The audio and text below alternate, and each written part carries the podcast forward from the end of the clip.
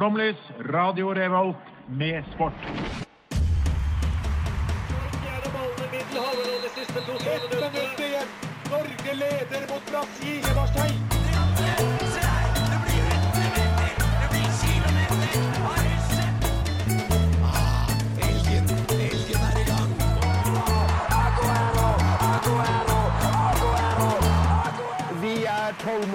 Vi har sittet her og ventet i år etter år. Du hører på Flomlys på Radio Revolt. Ja, hjertelig velkommen skal du være, kjære lytter der ute, til Sportens time her på radio Revolt. Mitt navn det er Daniel, og jeg skal lose deg gjennom denne sendingen. Og med meg har jeg selvfølgelig Pernille. Hei til deg. Hei. Kan du fortelle meg hvordan du har hatt i dag med Thor? Fint og bra. Fint og bra. Tre år. Tre, tre år gammel er hun blitt. Fint og Ja, for det er der vi må sette punktum. Den stemmen du hørte der som du kanskje ikke kjenner igjen, det er Radio Volts minst likte person. Han har blondt hår, krøller, Hei på Rosenborg og bor hjemme hos moren og faren sin. Velkommen til deg skal det være Terje Tobias Tønne. Takk, det høres ut som du introduserte Trond Giske der, men eh, det er da Terje Tobias Stønne, ja. Det stemmer. Takk Ja. for at jeg var her. Eh, vi er litt redd for at du skal ta på oss. Hvis dere har hørt på Flomlys tidligere, og jeg har nevnt en person som heter Tafse-Terje, så er det da Terje som står i studio sammen med oss nå, som jeg har referert til. Ja, men Stemmer i det? dag så har jeg hendene godt plassert i lomma. Mm. Kan du fortelle meg eh, hvorfor du bryr deg om sport? Har jo, hvor lang tid har vi?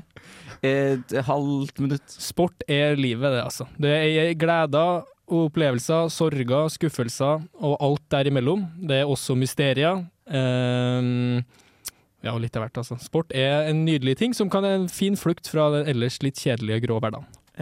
På en skala fra tre til ganske god, hva er liksom ditt, eh, din peak da, i sportens verden? Hvor god har du vært? Til noe, det kan være hva som helst. Det kan være fra bortsett boccia til dart. Mm, er fra tre til ganske god. Ja. Seks. Seks blir det på han. Den er grei, vi skal bli kjent, bedre kjent med Terje utover. Selvfølgelig, før det så skal vi høre på litt musikk, som vi alltid må gjøre på radioen. Her kommer Overcity med låta Old School Love.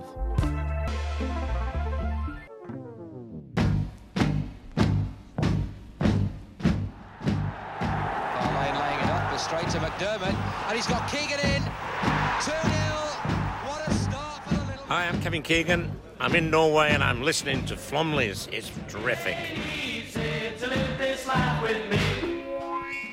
Men det er lett å leve sammen med meg. Jeg har et spørsmål til deg, Terje. Ja. Tror du på snille feer? Snille feer? Ja. Nei, den tror jeg ikke på. Tror du på snille feer, Pernille? Nei, men jeg tror heller ikke på onde feer. hvis det er et Ja, det var veldig godt poeng. kanskje- Pernille. Jeg tror ikke på feer generelt. Da. Du gjør ikke det? Nei. Tror du på spøkelser, da? Det er et rykte om et spøkelse på Tavern her på Sverresborg i Trondheim som er en følelse på at kan stemme også, men bort, hvis du ser bort ifra det spøkelset, så tror jeg ikke på Heter spøkelser. det Northug, eller hva er det som hva er det? På en, en tidlig maidag i 2014 så heter det Petter Northug i hvert fall. Hva er Tageren? Tavern det er en Tavern. restaurant, gammelt sånn spiseri. eh, som er- Spiseri heter det ikke. Eh, Sånn gjest... Sånn, Gjestgiveri. Slag, ja, gjestgiveri. Kall det bed and breakfast, Ja. kanskje en gang i tiden. Ja. Mm. Der skal det visstnok være et spøkelse da, som går. I form av Eh, Da må man nesten begynne å se en sånn gammel episode av Åndenes makt, for den er med der. Den er det? Nei, så gøy. Hva skal til for at du begynner å tro på spøkelser, Pernille? Um, at jeg møter et. Du må snakke med det. Eh, kanskje ikke snakke med, men kanskje sånn, hvis det er noe som hiver ei bok rett for meg uten at det er noen andre mennesker der, eller sånne ting, så kan jeg kanskje gå god for det. Hadde du trodd på det med en gang, eller hadde du tenkt at det finnes en forklaring? Jeg hadde nok lett etter en logisk forklaring først. Ja. Det hadde jeg nok. For jeg har sett på Åndenes makt masse. Ja, jeg Ja. Det er veldig fascinerende. Og det er én ting som plager meg litt med de spøkelsene. Ja. Hvis de kan kaste bøker, vaser, bokhyller, alt mulig, hvorfor gjør de det aldri på de menneskene som bor i de husene? For de vil jo bare ha oppmerksomhet. De vil jo ha oppmerksomhet, de vil ikke skade folk, de er ikke ikke Ha, voldelige. er alle spøkelser pasifister, liksom? Jo, men altså Går du rundt og hiver ting på folk til vanlig? Nei, men det er jo noen gjør jo det. Jeg, det Du daskedaner slår det litt rundt deg, du. Tross alt daskedaner du prater med. Men altså, det finnes jo mennesker der ute som går ut på gata og slår folk, eller som oppsøker eh, bokseringen for å slå folk. Eller som Jeg hadde en nabo en gang som ble psykotisk, og hun kastet en vase etter broren min, eh, for eksempel. Eh, Så det går jo an. Men kanskje det bare er mot spøkelsesreglementet? Ja, Ja, for- faen, du må signere en sånn kontrakt du, når du blir spøkelse. Ja, ja. Enten Du kan skremme, men ikke skade. Ja, sånn, enten så får du til himmelen, eller så får du lov til å hjemsøke en stund. Men Ja. da er det visse ting som du må forholde deg til. Blant okay. annet, du kan ikke ta livet av disse menneskene som du skal hjemsøke. Nei. Nei. Hva tror du ville skjedd med et spøkelse hvis det brøt den kontrakten? Eh, nei, kanskje ble sendt ned til helvete, da, for eksempel. Oi. Ja, men hvis Da er det rett ned til helvete. ja, ja, men det må jo være alvorlige konsekvenser. Ja, det må hvis jo ikke det. så forholder seg jo ikke til disse reglene. Nei. Nei. Grunnen til at jeg spør om dette, da, er fordi vi skal snakke om, sp eh, vi skal snakke om spøkelser i dag. Kanskje Mm. ikke egentlig så mye spøkelser. Det er ikke så mye spøkelser i sporten, har jeg funnet ut av. Nei, det er jo eh, Hvis du gjør et Google-søk på det, så får du opp selvfølgelig av noen idioter borti statene som påstår at det er et spøkelse som går rundt på noen ulike baseballstadioner rundt Mm. omkring. Men som sett bortsett fra det, så er det ikke så mye direkte Verken klubber eller lag eller arrangement som er direkte knytta til spøkelser, som jeg vet, i hvert fall. Ja, for det er sikkert mye mer spøkelser i USA enn det det er. i USA, vet du, det er, USA er eh, det veldig mye rart. Det er aliens og alt mulig. Ja, det er mer av ja, ja. alt der. det er bigger du borti her, vet du. Det er større. Tror du spøkelsene liker store forhold bedre enn små forhold? De har litt mer bolter i seg, da. Mm. Det ville jeg satt pris på som spøkelse kunne ha reist litt lenger. Okay, Eller kanskje bare det at de tror på det. Så her i Europa, hvor det skjer sånne ting, så er vi sånn eh, ja, det må være noe logisk forklaring. Ja. Og vi er smartere enn amerikanere. Ja, hos USA bare wow, Kunne du sagt det og ment det? Hei, jeg er en europeer, og jeg er enn, vi er smartere enn amerikanere. Nei, jeg hadde ikke sagt det til en amerikaner. Nei, ok, Men hvis du kunne sagt det i et stille rom hvor ingen hørte deg, kunne du sagt og ment det helt på ekte? På en generell basis så kan det se ut som det, ja. Mm. Du opplever deg selv som smartere enn en gjennomsnittlig amerikaner. Jeg vet ikke med gjennomsnittet, for jeg føler toppene er veldig høye og båndene er veldig lave der borte. Jeg prøver ikke å lure deg i en felle. Jeg kan si det selv. Hei, jeg syns amerikanere er dumme, og jeg tror europeere er smartere enn gjennomsnittlig amerikaneren. Ja. Ja. Jeg stiller meg egentlig bak den. Så bra. Ja. Det var alt jeg lurte på. Ja. Men det er også fint da, Daniel. Hvis du kunne velge å bli et spøkelse eller bare dø og forsvinne, hva hadde du valgt? Det hadde jo vært litt artig å kunne testa ut og vært et spøkelse. Ja, men Du måtte ha vært det for alltid hvis du først For ble et spøkelse. Helt til eh, solen eksploderer. Ja, men da ville liksom hele verdenssynet mitt blitt helt forandra, hvis jeg faktisk fant et spøkelse. Og da ville jeg kanskje gjennom det å være et spøkelse kunne oppleve andre ting. Eh, Blant annet få sjekka ut Area 51 for en gangs skyld, og bare finne ut faen, er det aliens her, eller er det ikke det? Og apropos idrett, det er jo gratis tilgang til alle arrangementer i hele verden. Da kan jo faen meg, få med alt. Ja. Har ikke noe du skal rekke heller. Nei, det er sant. Du går for spøkelse. Ja, evig liv. Alt Mm. evig liv. Pernille? Du måtte jeg hatt spøkelsesvenner. Jeg ville ikke gjort dette alene. Du har jo gjengen i, i, i må- huet der. Det må, ja. Men er det, ikke, du. er det ikke derfor spøkelser oppsøker mennesker? Fordi de er spøkelser kan ikke kommunisere med hverandre, kan de det? Ja, Hvis de ikke kan det, så har de heller valgt en kjedelig svart død. Hva er det vi holder på med? Hvor er vi på vei? Ja, det lurer jeg på. Ja. Uh, vi, så. Da har dere fått svar på de tingene dere lurte på, kjære lytter. Kanskje du hører noe i bakgrunnen. Det er Lazy Queen du hører med I See You her på Radio Revolt. Take it away.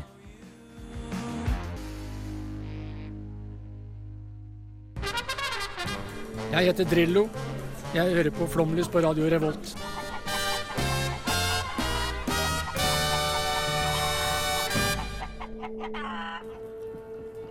Mars 1978 ble det født et føll helt utenom det vanlige.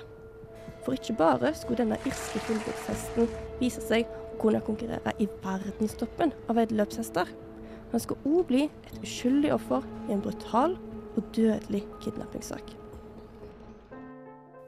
Den irske hesten Shigar var ett år gammel da han ble sendt for å bli trent opp til veddeløpsbanen.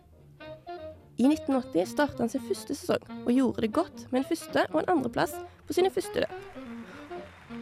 Året etter fortsatte han med prestasjoner helt til verdenstoppen, og vant Epson Derby med ti lengder, den lengste vinnermarginen i løpets historie. Og etter dette løpet solgte eieren til Chagar aksjer av han, og hesten ble verdsatt til en sum på ti millioner pund. Samtidig som alt dette skjedde, gikk Nord-Irland gjennom den mest intensive perioden med indre konflikt. Etter at Irland ble delt mellom et selvstendig Irland og Nord-Irland, som fortsatte som en del av unionen til Storbritannia, var det mange i Nord-Irland som ønska en slutt på det britiske styret, og ville heller ha en forent irsk republikk. IRA, som er en paramilitær organisasjon, drev derfor væpna konflikt mot det britiske styret, for de ville ha slutt på den britiske kontrollen i Nord-Irland. Konfliktene fortsatte, mens Shigar på sin side hadde så gode resultat på veddeløpsbanen at han ble rangert som en av de beste og mest verdifulle veddeløpshestene i verden. Etter et utrolig sterkt år kom Chigar på fjerdeplass under sitt siste løp, som ikke bare ble hans siste løp denne sesongen, men hans siste løp noensinne. Eierne til Chegar bestemte seg for å pensjonere den enestående hesten, og sendte han til en gård hvor han skulle bli brukt til avl. Ballyman i Stud i Irland og nå Chegar sitt nye hjem, og det var her dramatikken senere skulle utspille seg. Jim Fitzgerald jobba på gården og hadde hovedansvar for Chegar. Han beskrev han som en snill og imponerende hest. Men en februarkveld i 1983 sitter Jim i stua og hører ytterdøra bli slengt opp. Han snur seg og ser flere armerte menn stå foran seg. De tar med seg Jim til stallen og får han til å hjelpe dem med å få Chegar inn i en liten hesteboks. Kidnapperne splitter seg nå i to. Den ene gruppa kjører inn i nattas mørke med Chegar, mens de resterende tre mennene plasserte Jim i en varebil og kjørte vekk fra Bellyman i Stud. På kjøreturen frykta Jim det verste, men etter 40 minutter blir han løslatt. Og kidnapperne snur seg til han og sier vi slipper deg ut nå, ikke se deg tilbake. Allerede neste dag starter etterforskninga, og Ballyman i Stud blir oppringt av kidnapperne, som krever en løspengesum. Sugar sine resultat i verdensklassen førte til at eierne hadde tjent gode penger med å pare han med 44 hopper, hvor de tok 80 000 pund per gang. Dette var nok grunnen til at kidnapperne krevde to millioner pund for å få Sugar tilbake. En sum som tilsvarer ca. 100 millioner kroner i dagens kurs. Det er hevda at kidnapperne var medlemmer av IRA, som prøvde å tjene penger til organisasjonen som begynte å gå tom for midler. Men etter fire dager med forhandlinger og ingen tydelige bevis på at Chegar var i live, nekta eierne å betale den svimlende løspengesummen. Og etter dette har ingen hørt noe fra kidnapperne igjen. 16 år senere, i 1999, hevda Sean O'Callaghan, et tidligere medlem av IRA som satt fengsla, at det var nettopp IRA som hadde kidnappa hesten for å tjene penger til våpen. Han hevda at kort tid etter kidnappinga hadde Chegar fått panikk og knekt foten. Noe som førte at kidnapperne skjøt den tidligere veddeløpshesten. IRA har på sin side benekta å ha noe som helst med kidnappinga å gjøre, og til den dag i dag har ingen klart å funne levningene etter den enestående veddeløpshesten Chegar. Vous écoutez euh, Flomlys, le programme sportif de Radio Revolt. Som dere sikkert har skjønt, så har vi et fryktelig skummelt tema i Flomlys eh, denne uken. Og noe av det skumleste jeg vet, det er mennesker som tror på konspirasjonsteorier. Og derfor har Pernille samlet de konspirasjonsteoriene som hun tror på, og så skal hun presentere de for oss her i Flomlys. Vær så god, Pernille. Syns du det er noen av de skumleste folkene? Ja, for de kan skape så mye ugagn ut av ren og skjær dumhet, og det syns jeg er skremmende. Men er det ingen konspirasjonsteorier du tror på? Jo, jeg tror ikke det har vært mennesker på Mars. Er det en konspirasjonsteori at det har vært? nei. Nei. Hva faen? Nei, det, Eller det er det jo sikkert, men Det, eh, det finnes nok det nå, skal Ja. vi så lete lenge nok. Men jeg hadde lyst til å si at jeg ikke tror på at det var menneske på månen, og så ombestemte jeg meg så sliten og sa Mars.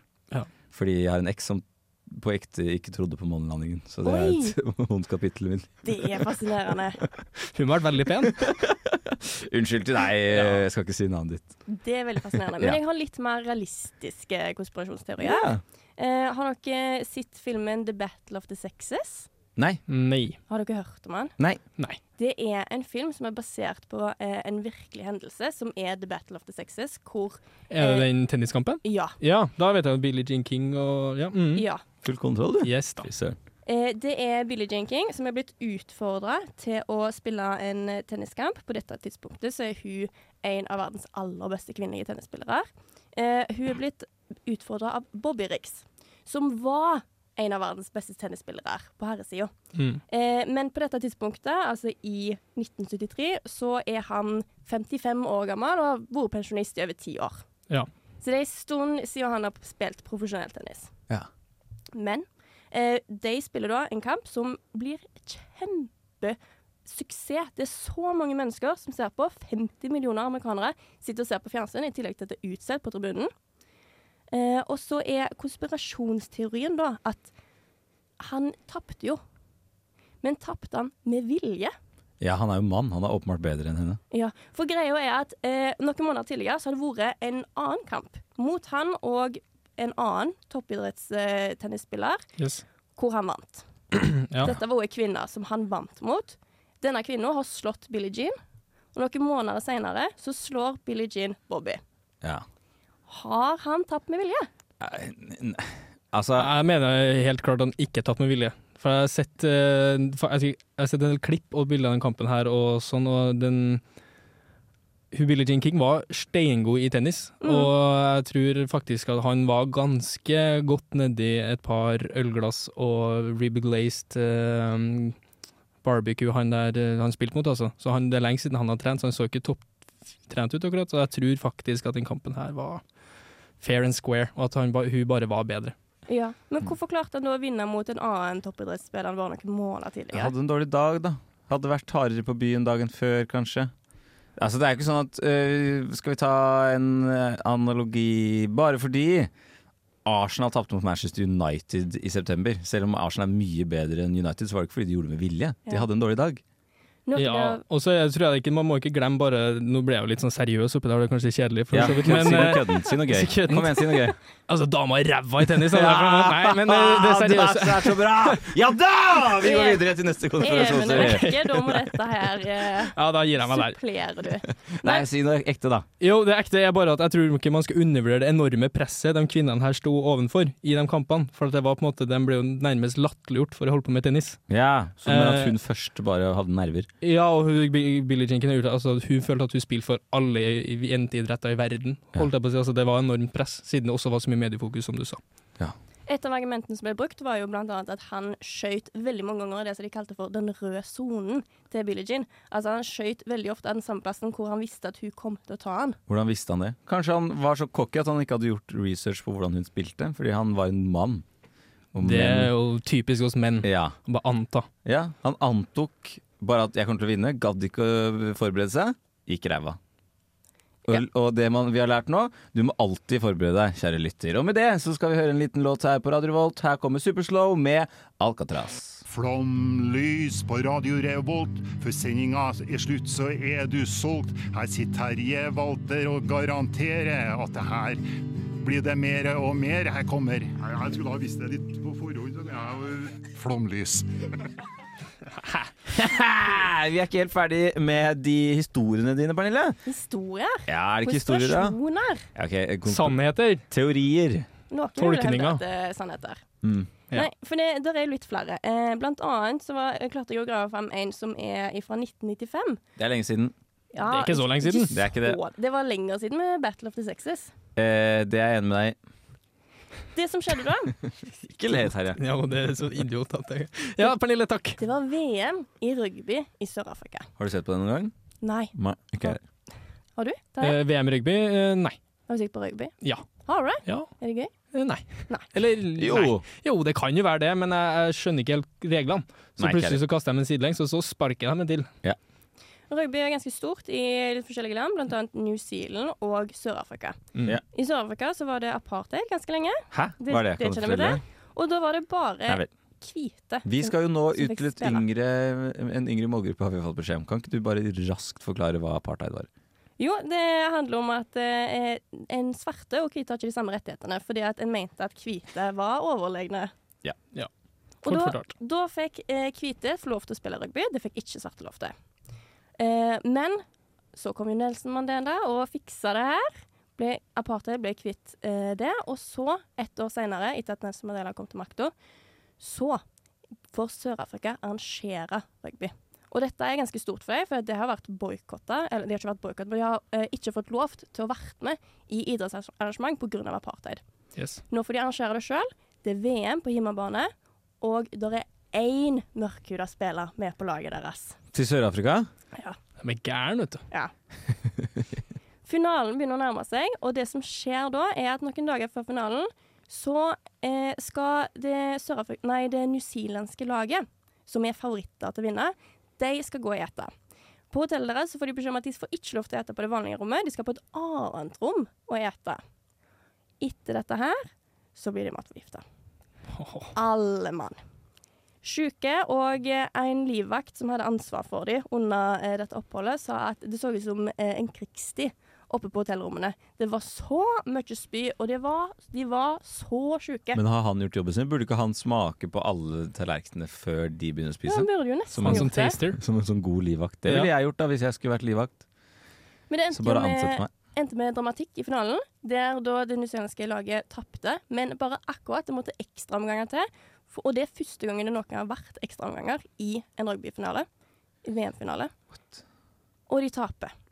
Sør-Afrika vinner på hjemmebane, og det er jo enorm stemning. Ja. Men etter det her så har det jo kommet en del teorier Ja. om at det er Sør-Afrika som har forgifta det newzealandske landslaget Mm. for å kunne vinne på hjemmebane. Ja.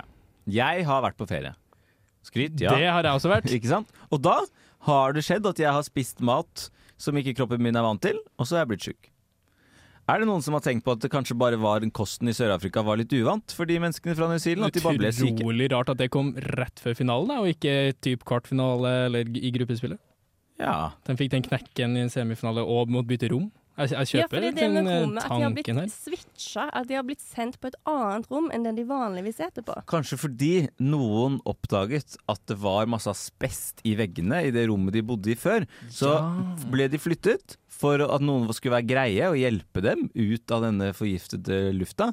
Men så var det for sent. Jo, det Så de ble syke. Et, for da hadde de klimatisert seg til asbest, så de rakk ikke å akklimatisere seg til normal klima. Ble flyttet ut av rommene, og så ble de syke, selv om det egentlig kun var gode intensjoner fra hotelleiernes side. Ja. Så Mm. maten, den var ikke noe problem var, Maten er, har ingenting med saken å gjøre. Jeg kan si det at Livvakten, som eh, jobber med denne, eh, dette laget, da, som er sørafrikansk, han har uttalt at han er sikker på at de har blitt forgifta. Men han er òg sikker på at det er ikke det sørafrikanske landslaget som står bak. Men Hotellet? Nelson Mandela. At du tør å svart, Nei, svart jeg på Wow. si. Sverte, han setter med det. Ja, det tør jeg. Ja, tror du det var Nelson Mandela, Pernille? Nei. Nei. Tror du? Ja, som sagt, ja. Tror, tror jeg. Jeg tror ikke det var han, men er det sånn at du har henta de konspirasjonsteoriene fra IMDb? For begge var Battle of the Sexes var en spillefilm, og det er også en spillefilm der som heter Invictus. Ja, det er helt tilfeldig. Ja, helt tilfeldig. Jeg tror ikke på det. Jeg har en siste konspirasjonsteori også, som er helt sikkert en spillefilm. Tja. Det handler om eh, Michael Jordan. Ja. Fluegame, eller? Nei. Å nei, faen. Han eh, var jo eh, på Kan ikke basket. Nei, han er en basketstjerne. Var dritgod. Vant eh, NBA tre ganger på rad. Mm. Og så blir pappen hans drept. Etter dette, fire måneder etterpå, så sier han at han har ikke motivasjon, og han har lyst til å legge opp. Jeg tror han ljuger. Sorry. Han er en løgn, også. Ja. Husk på, han har en sinnssyk vinnerskalle, den mannen der. Ja. Altså, hvis Ja, dere- Vet du hva? Den faren betydde ikke så jævla mye for han. Nei, men greia er jo at han hadde et uh, gamblingproblem. Ja.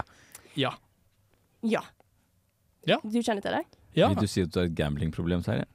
Nei, men jeg har veldig mange andre problemer, men Mm. dem har ikke vi tid til å ta her. Nei.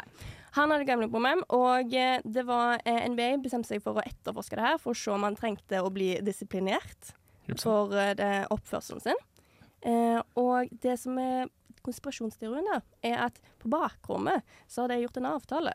Sånn at eh, han skal slippe å bli suspendert, men han skal heller si at vet du hva, eh, nå trekker jeg meg. Jeg er ferdig i NBA. Da slipper han at det blir eh, sjokk sjokkerende at han må ut, fordi han har drevet og holdt på med gambling og gjeld og alt mulig. Og NBA slipper at stjerna blir eh, tatt til denne alvorlige saken. Ja, det er ganske sjukt å drepe faren hans bare fordi han hadde et gamblingproblem. Eller hva er konspirasjonsteorien her? Konspirasjonsteorien er at han sier at nå legger jeg opp Mm. for å slippe å bli suspendert. Ja. For ett og et halvt år senere så kommer han tilbake Ja. og spiller videre. Men, vet, men det, som, som jeg har lært av Torbjørn Egner, som jeg også skal si når faren min dør, det er aldri så dumt at det ikke er godt for noe. Og det var akkurat det jeg lærte av denne historien her òg. Ja. Han snudde det at faren hans døde, til noe positivt. Og det var å legge opp. Og det var Å ta en pause fra å ta en pause. Og slippe å få Jeg tror på denne Men han fikk jo gå rett inn i en Han begynte jo å satse baseball Mm. etterpå her. Og, satt, og så gikk jo det ganske i dass, for han var ikke så god i baseball. som Fordi baseball er kjedelig. Veldig kjedelig. Og så tror jeg jo at NBA skjønte fort at hm, det, nå gikk jo kanskje seertallene litt ned, og interessen her bort, når vi mista vår aller, aller største stjerne. Ja, ja. for på pressekonferansen så får han spørsmål fra en journalist og spør kan du ikke noen gang komme tilbake, og hvor han svarer ja, og hvis jeg har lyst om noen Ja, men da skal moren min daue først, svarte. Nei, han svarer at hvis, hvis han har lyst om noen år, og hvis han får lov, så kommer han tilbake. Mm. Så han må få lov når Ja. han kommer tilbake. Få lov da av uh, hvem? Av Av NBA, da. NBA. Ja, ja. NBA Jeg tror på denne teorien her. Gjør du det? 114 Ja.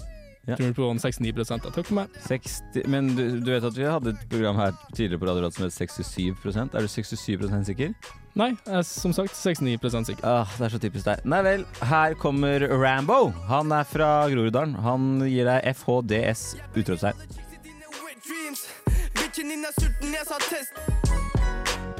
Dette er Tøffel, og du hører på Flomlys, verdens beste radioprogram i Trondheim.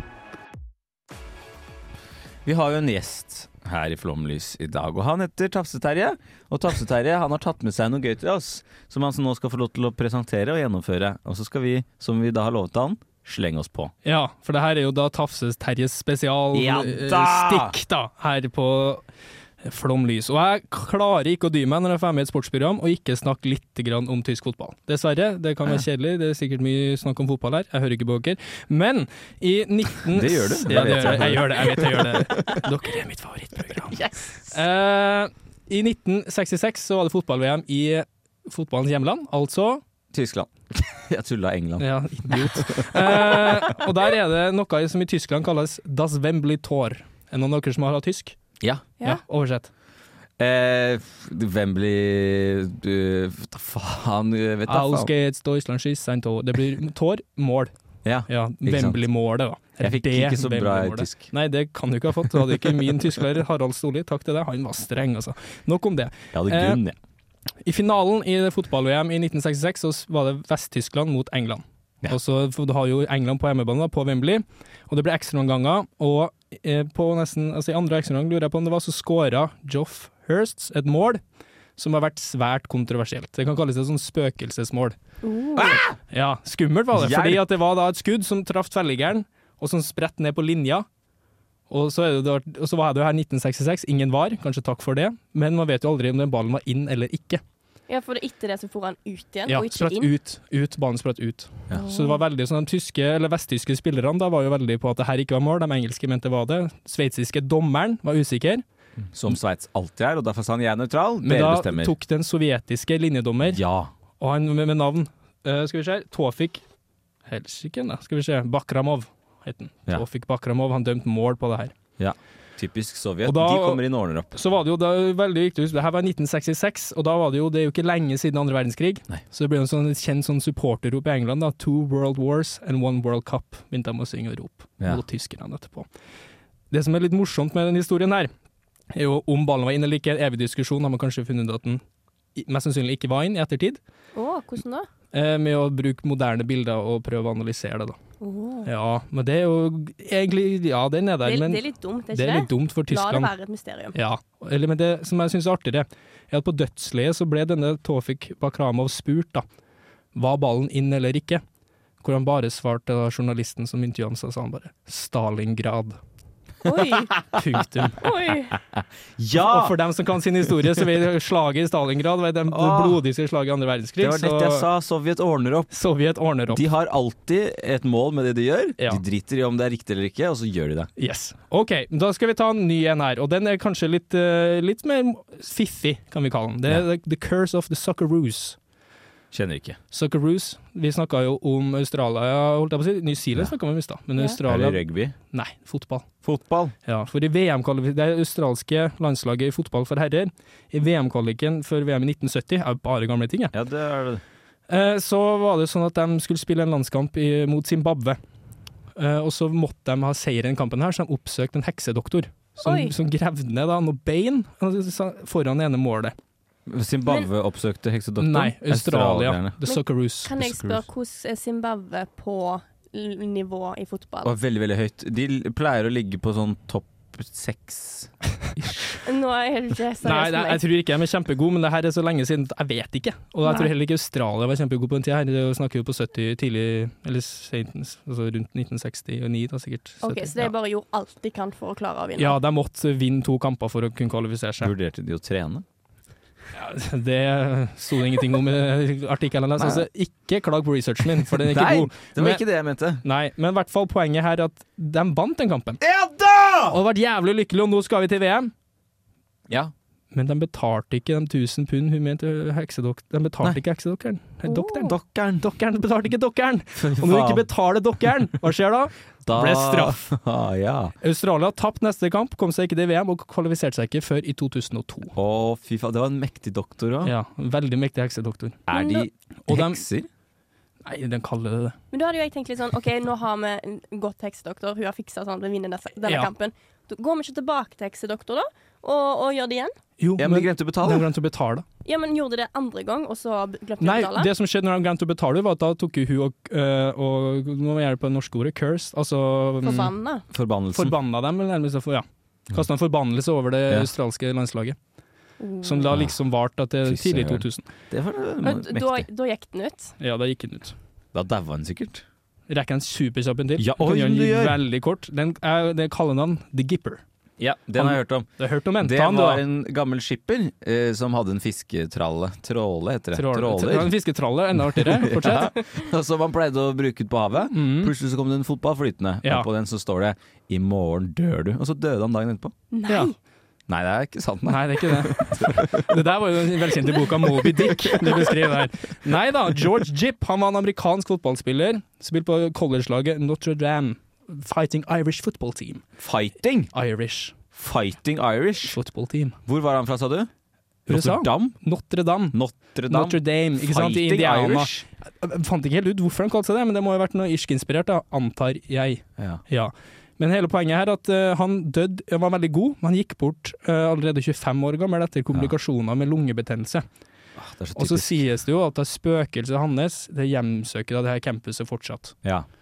Men det jeg syns var mest artig med denne historien her, da, det var at i 1940, her, igjen, gamle ting, så spilte president Ronald Reagan rollen som denne George Gipp i en film som ble kalt Knut Rokne All American, som handla om fotballtreneren til det laget. Som et Knut Rokne. Knut Rokne også veldig norskinspirert, Ja, fornavn, eller dansk, kanskje? Ja, er det sånn? Ja, det vet jeg ikke, men det hadde et sitat i den filmen her, da, som var Win just one for the Gipper. Og The Gipper er det spøkelset, ikke sant? The? Gipper er den, ja, det spøkelset. Og, så, og det her sitatet brukt av Ronald Reagan i sin valgkamp for å bli valgt som president i USA. Så bare så gikk det sånn Win just one for the Gipper. Og da er det sånn at da han vant det valget her med å spille på at hvis dere ikke stemmer på meg nå, så skal faen meg det The Gipper-spøkelset komme og ta deg, altså. Og igjen, og dette har vi diskutert, som Ja, Ronald Reagan hadde glemt, spøkelser er jo pasifister. Ja, så Ronald Reagan hadde tatt helt feil, og hadde vært litt smartere borti det landet i Østen, holdt jeg på å si, det blir ikke det i Vesten, Nei, så hadde de kanskje sluppet å ha han som president. det er nesten full circle. Amerikanere er dumme, og pasifister er spøkelser. Om, og omvendt, gjerne. Og omvendt, gjerne, ja. Fy faen, så vakkert! Ja, Tusen takk for at du kom, Terje. takk, da går jeg. Du- Hyggelig. Nei, du kan få lov til å bli her. ja, Men Terje spesial er over. Terje, spe- jeg legger ned Tafse-Terje spesial her. nå. Bra. Her kommer 12 Denzil Curry. Klarer ikke å si det. Det er en låt som heter Lady Draco. Her kommer den.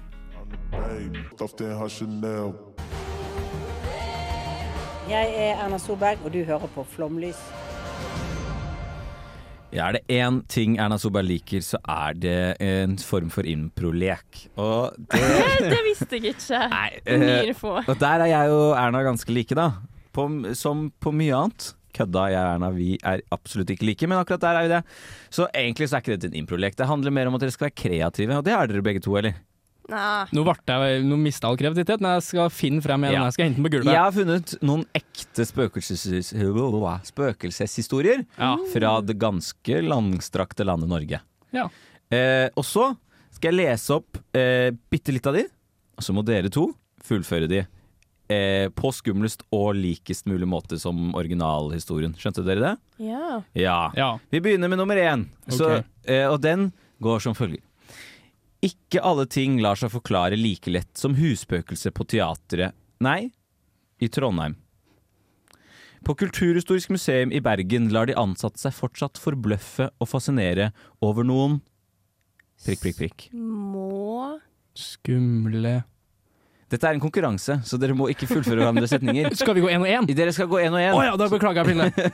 Så dere skal nå eh, Vil dere ha den en gang til? Ja. Ja. Du så Trondheim og Bergen har vært dritforvirra. ja dropp den første delen av det. der var bare tull. Jeg vil ikke Ja, ha med den. da skal jeg fokusere. Ja. Klar På. Kulturhistorisk museum i Bergen lar de ansatte seg fortsatt forbløffe og fascinere over noen små flekker som dukker opp på gulvet til stadig tid.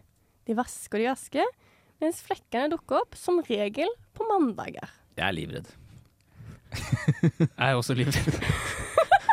For det eneste okay. jeg tenker her nå, at det, det, det er grandonkelen til Daske-Daniel som har vært der og slengt rundt med diverse sekrementer i en griselest. Så det du gjør nå, er å spille videre på flekkene til Pernille? Ja. Er svaret avgitt? Ja, ja, ja, det er jo fasit. Det. Jeg har jo lest det i Johansen-boka.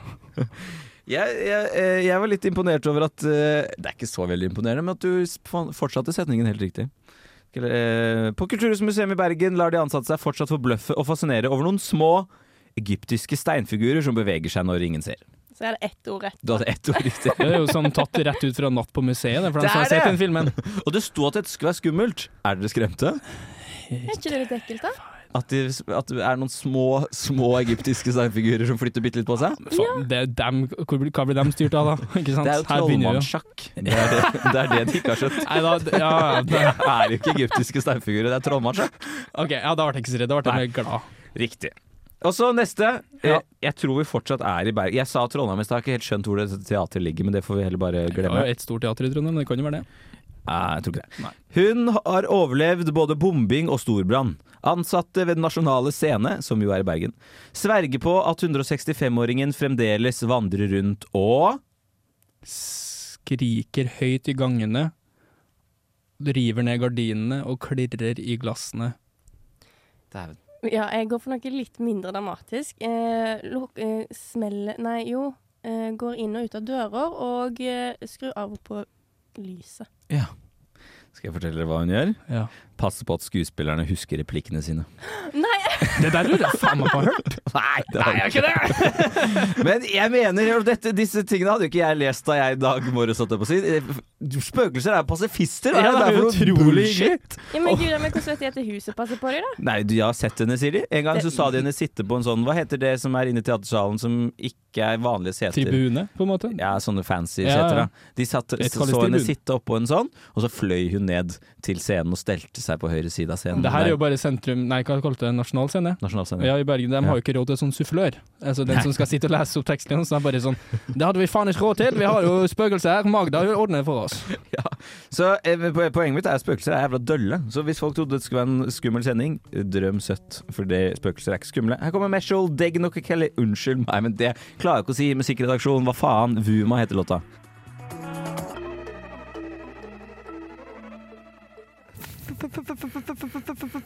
Flomlys! Nei! Jo. Ja, der blir du skremt nå. Det har vært en jævla skummel sending, har du ikke det, Terje? Jeg har vært pisseredd hele tida. Jeg har sett det på deg. Inn i øynene dine har Det er fordi jeg står litt for nærme deg. Hva med deg, Pernille? Vitsen er ikke så gøy lenger. Nei, den er ikke det. Nei, Vi har det. snakket om mest koselige spøkelser. Vi har det. Ja. Det blir en trivelig sending. Veldig. Og så det som er så deilig, er når Even Bertelsen ikke er her. Vet du hva? Jeg har ikke vært der med Emil Bertilsen. Jeg syns også det var deilig. Så bra. Her kommer en klassiker. For deg som har hørt på Flåmlys før, så veit du hva det er. Det er selvfølgelig O Ymnos Toy Panatanaiko. Og med det så sier vi ha det! Ha det, mamma! Du har lyttet til en podkast på Radio Revolt, studentradioen i Trondheim. Sjekk ut flere programmer på radiorevolt.no.